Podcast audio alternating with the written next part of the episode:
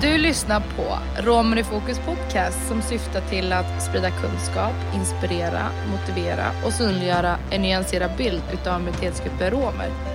I varje avsnitt kommer ni få möta häftiga gäster som kommer dela med sig utav sina personliga erfarenheter och kunskaper. Jag som leder programmet heter Valeria Djupagic och jag hoppas du har gjort dig redo med en kopp kaffe eller te för nu sätter vi igång.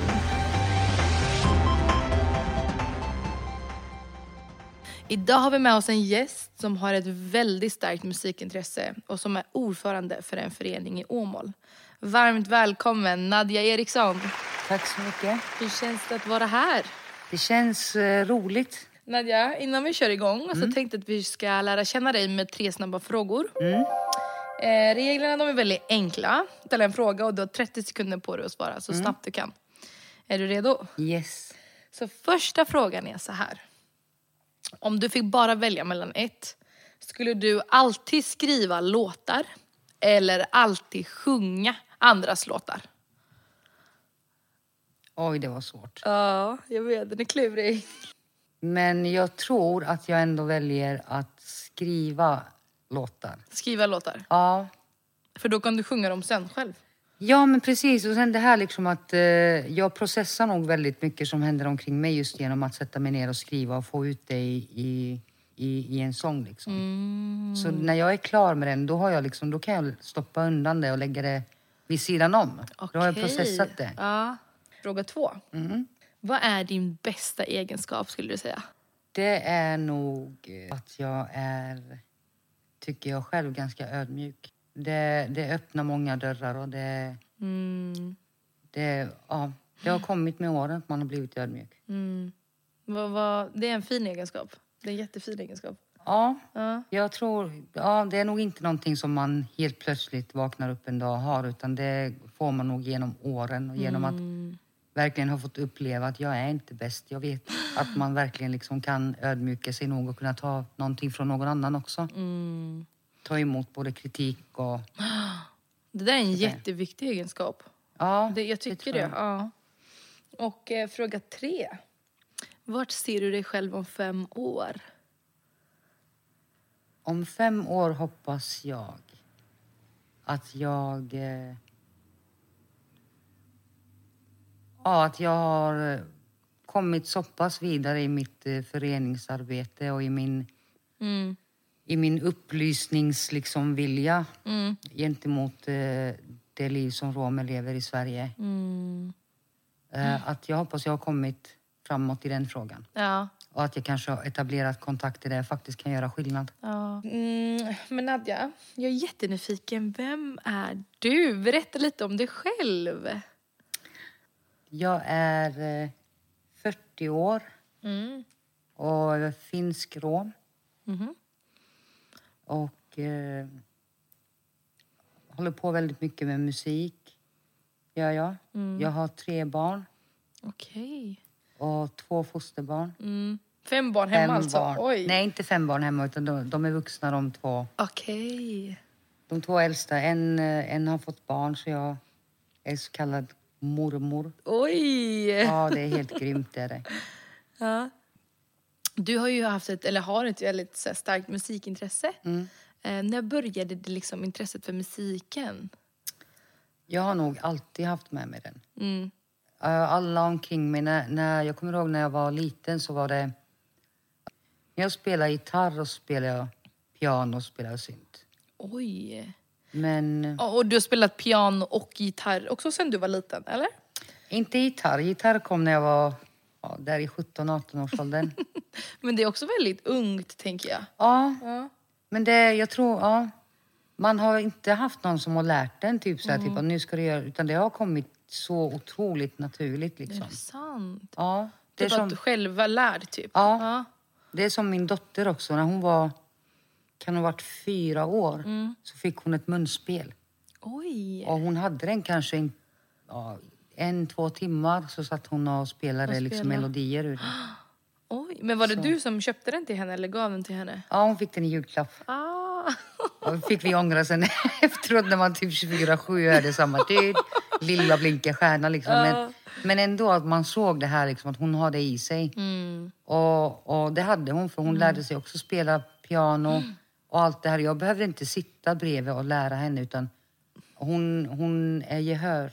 Mm. Hon har sånt gehör som hon kan återspela det, som hon hör. Mm. Oj. Eh, Det du nämnde förut är ju att eh, många romer, de allra flesta, antagligen kan sjunga, dansa, Mm. spela något instrument och att musiken är en del av din romska identitet. Mm, På vilket sätt skulle du säga att den är en, så viktig för dig? Jag tror för att det har alltid varit eh, sättet man umgås på. Mm. Det har varit sammankoppling liksom. Det, det liksom... Till exempel spelar det inte någon roll vilken lands rom du är så har du ändå det här själen. Ja. Och liksom eh, kommer det... Jag vet att det finns en festival Mm.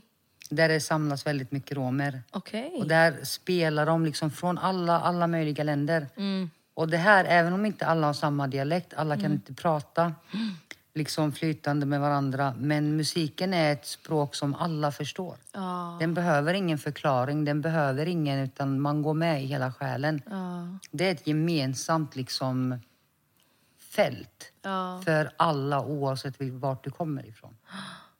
Wow, det är sant. Alltså musiken enar ju en på något sätt. Absolut. Eller kan ju ena en på ett sätt. mm.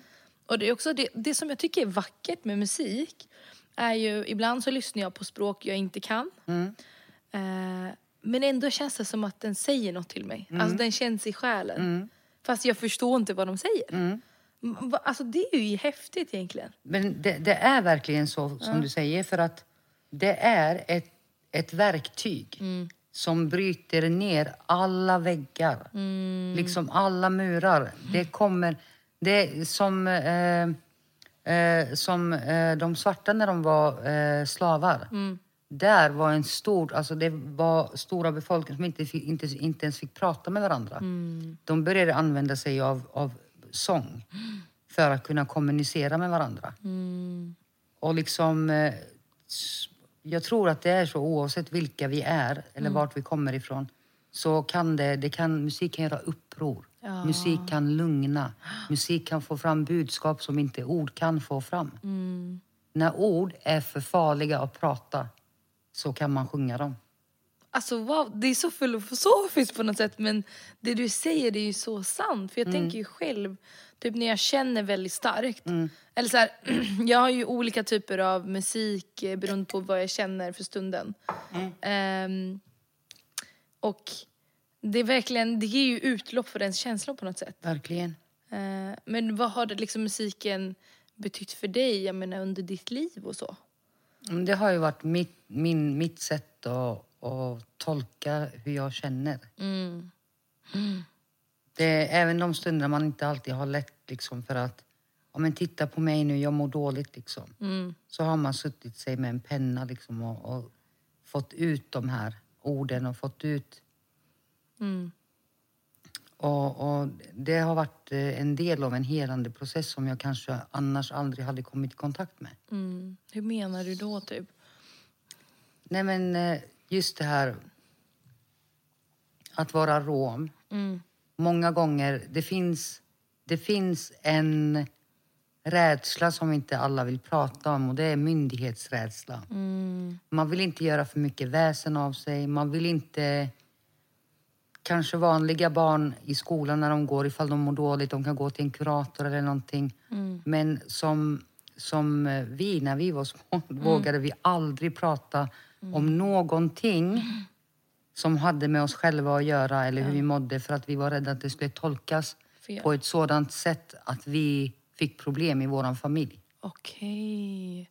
Och då var musiken liksom din väg att Min prata väg. ut eller vad man ska säga? Precis, och få min röst hörd utan att någon kunde komma och säga typ att ah, men du har det inte bra nu, vi måste göra någonting åt det här.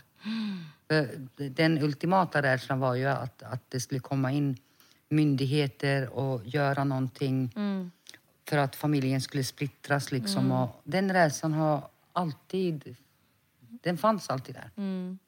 Men när du pratar så blir jag jättenyfiken över en sak. För du säger eh, till exempel när man pratar med kuratorer eller liknande. Alltså andra barn som inte var romer. Ehm, Men var, var, var det någonting specifikt liksom, i din barndom som, som gjorde att du skrev om? Eller var det någonting som hände som startade igång det här skrivandet med musiken? Eller? Jag hade en mamma som hade eh, depression. Mm. Hon hade psykiska problem. hade hon. Och hennes, eh, hennes rädsla för myndigheter gjorde i sin tur att hon aldrig vågade hämta hjälp åt sin depression.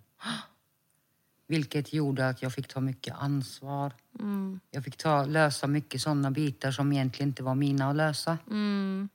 Eh, hade inte tid att gå ut med kompisar kanske. Eller det här vanliga Mm. livet som, som ett barn liksom ska ha. Utan jag tog väldigt mycket ansvar. Fast min, min mamma aldrig sa till mig, nu, nu ska du göra det här och du ska göra det här. Utan det kom ganska naturligt att jag tog den rollen när jag såg att hon inte var kapabel till det. Mm. Ja, du fick, det blev på något sätt betungande. Ja. Fast du, du hamnade i en situation där du, ingen sa till dig men det, du kände att det var ditt ansvar. Mm, För att du liksom kände att du behövde hjälpa familjen eller din mamma. Men, Mm. eh, och, och, och liksom, minns du eh, liksom hur, eh, någon första låt du skrev eller någonting sånt i den, tid, i, den tiden? Ja, jag kunde... Eh, på den tiden så var det väldigt mycket att jag översatte. Ah. Jag tog en melodi från någon, någon låt. Eh, och sen skrev jag finska ord till den låten. Då. Mm. Så det var ju typ eh, finska covers då, om man, om man kan säga så. Liksom. Ja. Men, men tyvärr så har jag inte sparat mycket av den tiden. Utan, och det var inte liksom, det hade varit, varit så kul att bara kolla tillbaka liksom att vart, vart var man liksom i den tiden, liksom tankemässigt. Ja. Det hade varit jätteroligt men eh, jag har ingenting kvar av den tiden. Ja. Men har det präglat dig, liksom ditt liv, tänker jag? Ja, det har det. Ja. Ja, det har det verkligen. Det har ju gjort att man är väldigt... Eh, ja, kanske orolig eller så här. Man eh, är kanske lägger för mycket energi på att vara orolig över saker som egentligen inte borde behövs vara orolig för. Ja. När jag var barn så var det inte... Det var inte... Det liksom motstånd, motståndet möttes inte av andra barn Nej. på det sättet. Utan det är lite som vi pratade om förut också att, att det var föräldrarna som gärna kanske inte ville att deras barn skulle leka med, med, med oss. Liksom. Och, och man, fick, man fick höra åsikter, föräldrarnas åsikter av barnen som inte förstod begreppet av det. Ja. Men, men jag som redan ung förstod liksom direkt, direkt den här skillnaden att okej, men deras föräldrar har sagt så här och då kunde jag se ett mönster. Okej, det är kanske därför inte jag har fått leka med dem på en vecka. Aha. Så jag, koppl- jag blev väldigt tidig med att koppla ihop hur man, saker ligger till. Nästan som en sån här, så här... Men man övertänkte allting redan som liten. Ja. Men, men jag mötte aldrig sån här typ motstånd på det sättet av Av barn. barn. Nej, det, nej, det gjorde jag inte. Så det är typ mer att du umgås med barn och sen så deras föräldrar påverkar hur man ska tycka eller tänka. Och just för att du var rom då. Men barnen kunde ibland också säga typ min mamma har sagt att jag inte får leka med er. Är det sant? Ja, Men vad tänkte du då när, liksom, när du fick sådana kommentarer? Eller när du hörde det? jag förstod inte riktigt ändå det här liksom att okej, det är bara för att liksom bara för att jag är rom. Mm, mm. Men jag förstod liksom att om det var någonting med oss Som var annorlunda än som andra? var annorlunda och som gjorde, fast jag idag inte vill förstå det, men som barn för typ att ah, ja, men det, det är okej. Ja. Det är liksom, det är okej. Man, man kunde inte riktigt förstå det här begreppet ändå. Och... Eh, men, men sen, sen när jag var 16 år Mm. så valde jag att ta på mig eh, de finska traditionella kläderna. Ja. Och då kan jag säga att, att eh, det, det vart en omvändning. Alltså jag blev helt plötsligt behandlad som en eh, verkligen utstött. Är det sant? Ja, ja, ja, ja. ja. Och de, absolut. för våra lyssnare, så de här traditionella finska kläderna, det är ju den här stora kjolen. Eller du kan ju... Mm. Ja, det är en stor sammetskjol med, med en tillhörande blus. Mm. Som kan se ut lite olika sätt, men ofta är det väldigt mycket bling-bling och, och liksom det här. Mm. Så när du tog på dig den här kjolen, märkte du en, en skillnad direkt? Jättestor skillnad. Ja. Liksom, man, man kunde höra lite viskningar innan det liksom, och märka på folks beteende. Okej, deras ungar får inte leka med oss och bla bla bla. Men, men med den här kjolen, då var det liksom att till exempel, nu gick jag på trottoaren så kunde folk byta sida liksom. Det var så tydligt. Ja, Är det ja, sant? Det är sant. Det var vissa affärer man inte kom in till. Mm. Vissa bensinmackar man inte fick komma in i. Krogar var inte någon snack att man fick komma in i. Vadå, sa de bara nej, stopp? Eller hur, hur, ja. hur liksom? Nej, du kommer inte in här. Va? Ja. Och, och speciellt en butik här i Sverige Mm. var så himla extrem. Alltså, så det har liksom verkligen... Även fast eh, jag blev ombedd att gå från flera ställen, men det här var liksom extra, extra. Och då var det nästan var det tre, fyra personer kom och mötte mig vid ingången och skulle mota bort mig. Alltså personal. Personal ifrån en ICA-butik. Alltså du vet, jag blir helt så här chockad. Ja, ja, ja. Men det här är så vanligt. Det, det folk tänker att det inte händer idag. Mm. Men det händer alltså dagligen. Men jag tänker på den här si- situationen på ICA. Ja, Ja, vad, kom- hände, vad hände? Där kom de emot mig och började prata engelska. De pratade de bara no, no, no, please, no, no, no, go out. Och du, Jag du är bara, född alltså- i Sverige, eller? Ja. Jag- Jag svarar på svenska. Jag bara, men alltså, vad är det med... Jag skrattade för de var så hysteriska. Va? Och jag bara, men alltså vad håller du på med liksom? Ja. No, no, please, please, go outside, please. Och lyfter upp händerna liksom mot mig. Nej. Och jag bara, så ly- lyssna här nu, ta ner dina händer. Har du någonsin sett mig? Har jag någonsin varit i din butik? Ja. Har jag någonsin varit här? Mm. Och de, de, var så, de var så chockade. De fortsätter att prata på engelska alltså. Men va? Mm, Trots sant. att du svarar på svenska? Ja.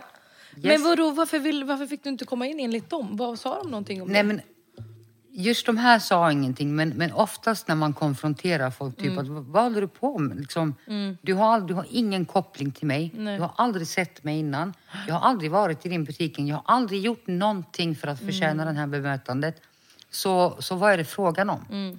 Och då är det oftast liksom att, ja men vi hade här, vi har haft här en grupp med zigenare som har tagit med sig, så börjar de rabbla upp grejer vad de har tagit med sig, Mm. bla bla bla. Och då blir liksom min reaktion, okej, men Vad har det med när har jag, har jag varit här inne någon gång? Har jag någonsin tagit någonting härifrån? Ja.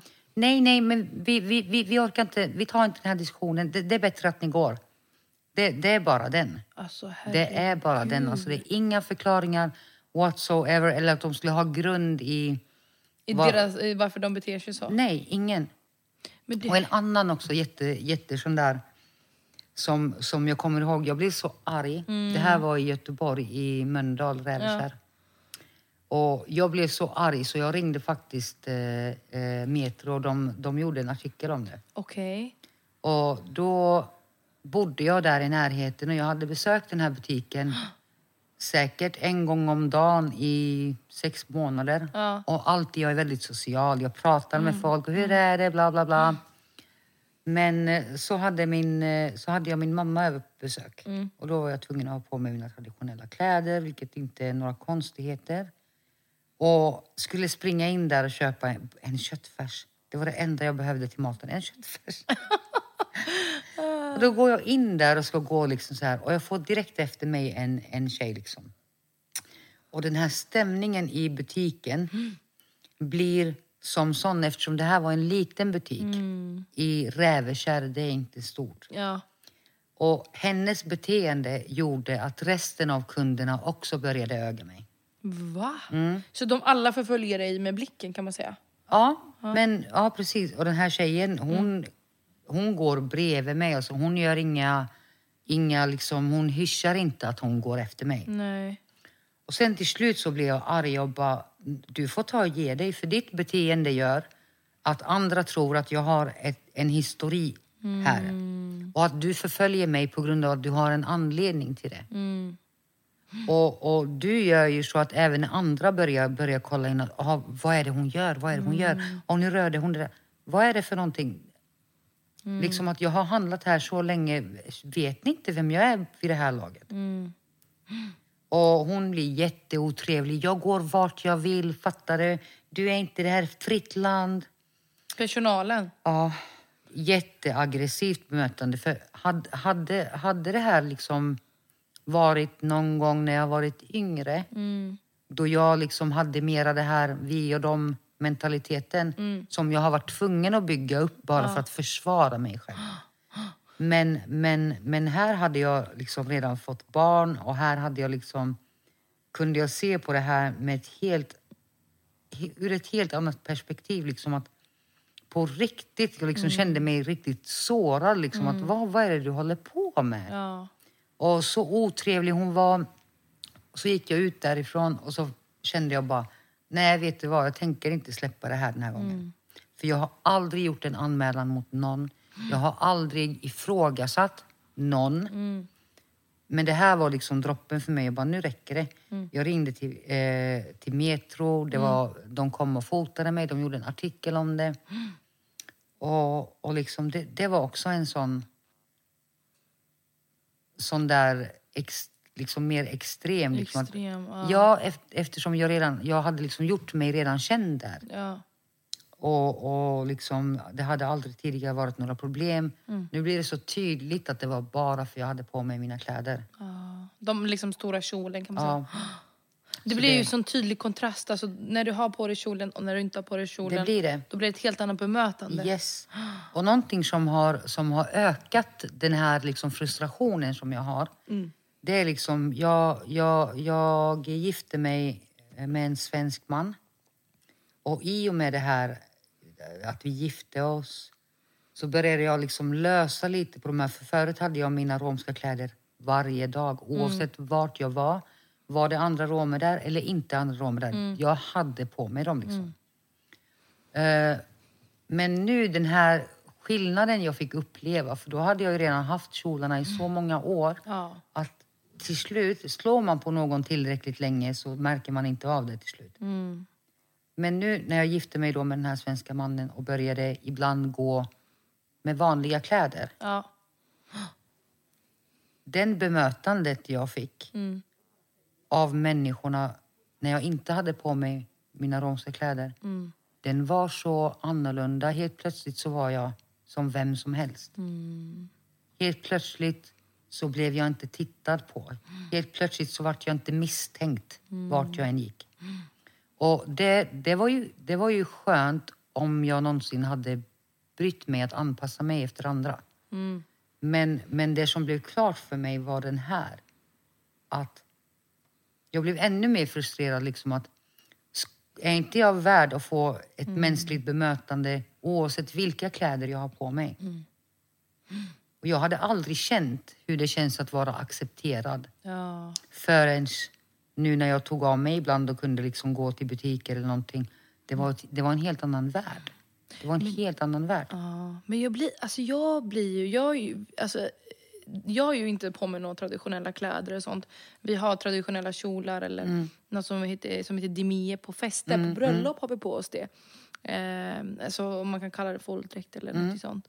Eh, annars har jag ju aldrig på mig någonting sånt. Men jag kan, jag kan inte ens föreställa mig det du berättar. Att ett klädesplagg ändrar människors människosyn. För helt Ja. plötsligt blir du inte betraktad som en människa Nej. längre. Och det är helt, helt absurt. Mm. Och jag blir, så, jag, blir så, jag blir så förbannad på något Ja, sätt. det är det jag också blir. När den här skillnaden kom, den var så tydlig. Så då, blev, då, det har, då har det börjat brinna i mig mer liksom att ska det verkligen få vara så här? Det är 2022. Du sa förut att eh, du hade det här vi och dem-tänkandet Mm. och någonting som du blev tvungen att ha. Vad menade du med det liksom? Men det blir automatiskt ett vi och dem. Eh, det, det börjar i ungdomens år. När man inser hur olika allting är beroende på vem du är. Ja. Och, och då blir det liksom det här... Då blir det automatiskt vi och dem. För vi och dem har inte samma förutsättningar. Vi och dem har inte samma hemförhållanden. Vi och dem blir kanske inte alltid lika uppmuntrade av... Jag menar, det finns nätverk. Går våra barn i skolan och som alla barn gör, liksom, det, det ska finnas nätverk av vuxna som uppmuntrar och som uppmärksammar våra barn. Oavsett vart de är ifrån. Men jag känner att många gånger i min skolgång också så blev man den det hopplösa fallet. Liksom. Man blev inte inräknad på samma sätt. Det blev man inte. Och vi flyttade runt mycket. Och visst var det mycket också det liksom, att de flesta barnen de hade kanske gått från förskolan upp till liksom de här äh, ettan, tvåan, trean och så kommer man som utifrån liksom som ny. Men, men jag hade aldrig i mina, i mina skolor aldrig liksom någon vuxen lärare eller någon som kanske uppmärksammade och ville pusha på lite. Utan, Som stöttade dig, liksom. Ja, som nej. såg dig. ja, nej. Eller såg dig för den du är. Mm. Men känner, jag tänker, för du har ju egna barn idag. Mm. Känner du att det har blivit någon skillnad från, från din barndom till dina barns uppväxt, liksom barndom? Eller eh, kommer de också hem och berättar om kommentarer eller liknande? Eller kan du se någon skillnad? Mina barn har inte... Inte i den här skolan som de går på nu har de inte behövt höra några kommentarer. Och Det är ganska skyddat liksom eftersom inte jag har på mig mina traditionella kläder eh, just när jag är i min hemmiljö och barnens skolmiljö så blir det inte riktigt det här... Utpekandet. Nej, men precis. Precis. Eh, Nadja, nu har vi kommit till den sista biten i det här avsnittet. Och jag har ju ställt massa frågor till dig. Så nu har du faktiskt chansen att ställa en fråga till mig. Okej. Ja, har du någon fråga? Ja, jag undrar vart du har hittat ditt driv till att göra det du faktiskt gör idag, vilket jag är så otroligt imponerad av. Um, vart jag hittar mitt driv? Ja, Alltså det är en så väldigt bred fråga, eller den är så stor fråga Mm. för mig för att eh, jag får mycket liksom min familj är ju en av de viktigaste sakerna för mig i livet och de finns alltid bakom mig och stöttar mig i allt. Och, och även pushar mig till att liksom Mm. fortfarande kämpa framåt. Men jag tror också det här, för mig så är det jätte, jätteviktigt att kunna känna att jag kan vara med och förändra eller påverka. Och jag vill ju påverka på ett sätt där jag kan hjälpa olika människor. Och jag vet att det kanske låter jätteflummigt nu, men, men för mig är det viktigt att kunna bidra i någons liv på ett positivt sätt.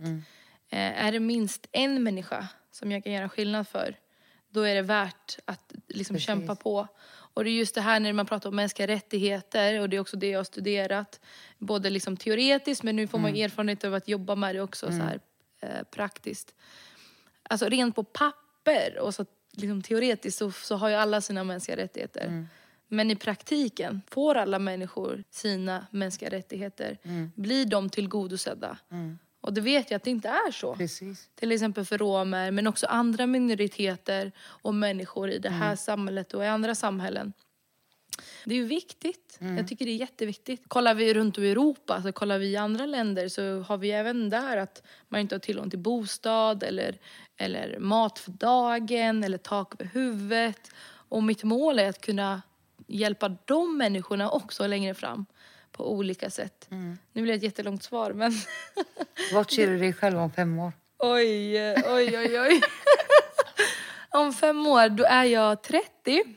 För nu, jag fyller ju 25 om en vecka. Jag är 24 idag. Ehm, när jag är 30, alltså då hoppas jag ju att jag är gift och har barn. det är liksom så här, eh, mina föräldrar tror jag vill också det. Men i, liksom arbetsmässigt så hoppas jag att jag, eh, jag vet inte om jag är kvar i Sverige. Jag, jag är inte säker. Jag vet inte. Mm. Jag tycker det är kul att få liksom testa sig utanför Sveriges gränser. Så jag kanske bor i ett annat land och jobbar med mänskliga rättigheter på en liksom internationell nivå. Det är min dröm. Eh, eller kanske att man får representera Sverige i ett internationellt sammanhang. Men jag vet inte, fem år känns så nära samtidigt som det känns så långt. Sant. Eh, mycket kan ju hända inom de här fem åren. Vi får se. Jag tycker också att det är så himla häftigt liksom att du, du är 25 och du liksom har, men, du har gått igenom dina utbildningar och det, du liksom är så ung men ändå har varit så smart att du har kunnat liksom göra de här viktiga livsgrejerna i rätt ordning. Alltså att du har verkligen gjort det här du har först liksom sett för ditt eget hus, liksom att du har fixat dina utbildningar och allting här. Och sen kommer det här med att gifta sig och barn. Alltså det går ju helt rätt ordning. Nej men tack Nadja. Det är jätteimponerande. Alltså, tack. Jag blir också jätteimponerad och inspirerad av dig. Eh, för att du är en sån stark kvinna, verkligen. Så att, eh, tack för dina fina ord. Tack Men jag vill också säga till dig att jag är väldigt glad att du kom hit och pratade om din historia. Och det finns så mycket mer vi egentligen kan prata om. Mm. Men tiden har ju gått så fort. så jätte, jätte tack för att du kom hit. Tack själv. Och att du liksom delar med dig av dina personliga erfarenheter. Tack själv, det var jätteroligt. Tack! Jag vill tacka alla som har lyssnat på den här poddens avsnitt. Eh, podcasten görs i samarbete med Studieförbundet Vuxenskolan Väst och föreningen Promoting Youth Inclusion. Och vi är finansierade av MUCF. Ljudtekniker idag är Vilma Regepagic och jag som har lett programmet heter Valeria Regepagic. Glöm inte att lyssna på nästa avsnitt.